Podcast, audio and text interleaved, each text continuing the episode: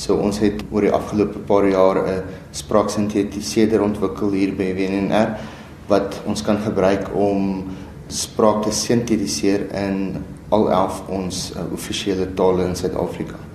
So hierdie tegnologie kan gebruik word om byvoorbeeld in ander applikasies jou SMS'e vir jou terug te lees terwyl jy bestuur, om vir jou rigtingaanwysers te gee van jou GPS af om vir mense wat visueel gestremd is, hulle teks terug te lees. Dis regtig 'n breë veld van applikasies en toepassings vir hierdie tegnologie.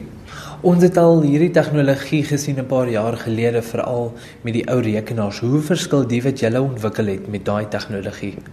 Ek dink die belangrikste verskil is dat ons ons eie taal kan sintetiseer. En dan ook het ons 'n besluit geneem in die manier hoe ons die spraak modelleer.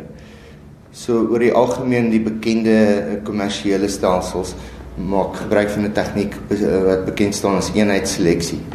So wat hulle doen, hulle neem 'n klomp data op van 'n uh, 'n spesifieke een spreker in 'n studio en dan breek jy daai golfvorms op in klein eenhede wat die klanke beskryf en dan as jy nou wil sintetiseer, dan gaan plak jy daai klein eenhede weer aan mekaar ja. wat dan weer 'n nuwe golfvorm maak.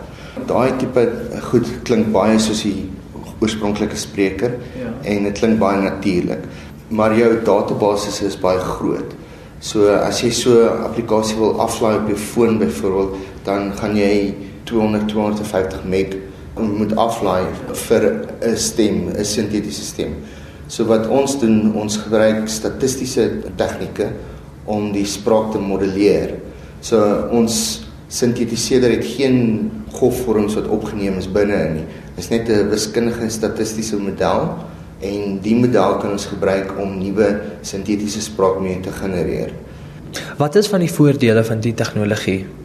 So die voordele is dis baie kleiner. Een van ons stemme is byvoorbeeld enigiets tussen 5 en 15 meg vergelyking met 250 meg en op. En dit is wat op toepassings gebruik word. Dit is ja, dan kan jy nou die stem gebruik in enige toepassing.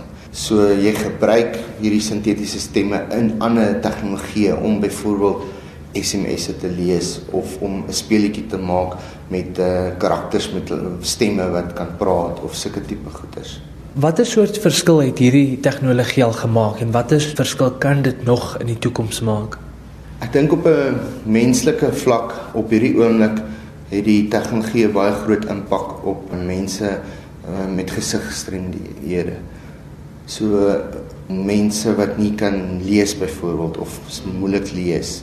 Dit laat hulle toe om e-posse te lees of koerant te lees, om elektroniese media te lees.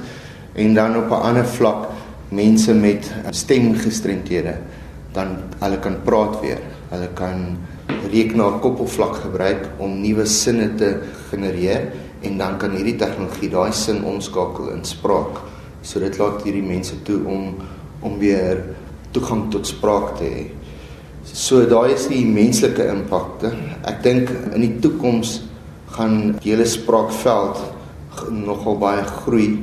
Die mens koppelvlak met rekenaars raak al hoe meer spraak intensief. So ek dink die die die groei uh, moontlikhede is regtig groot.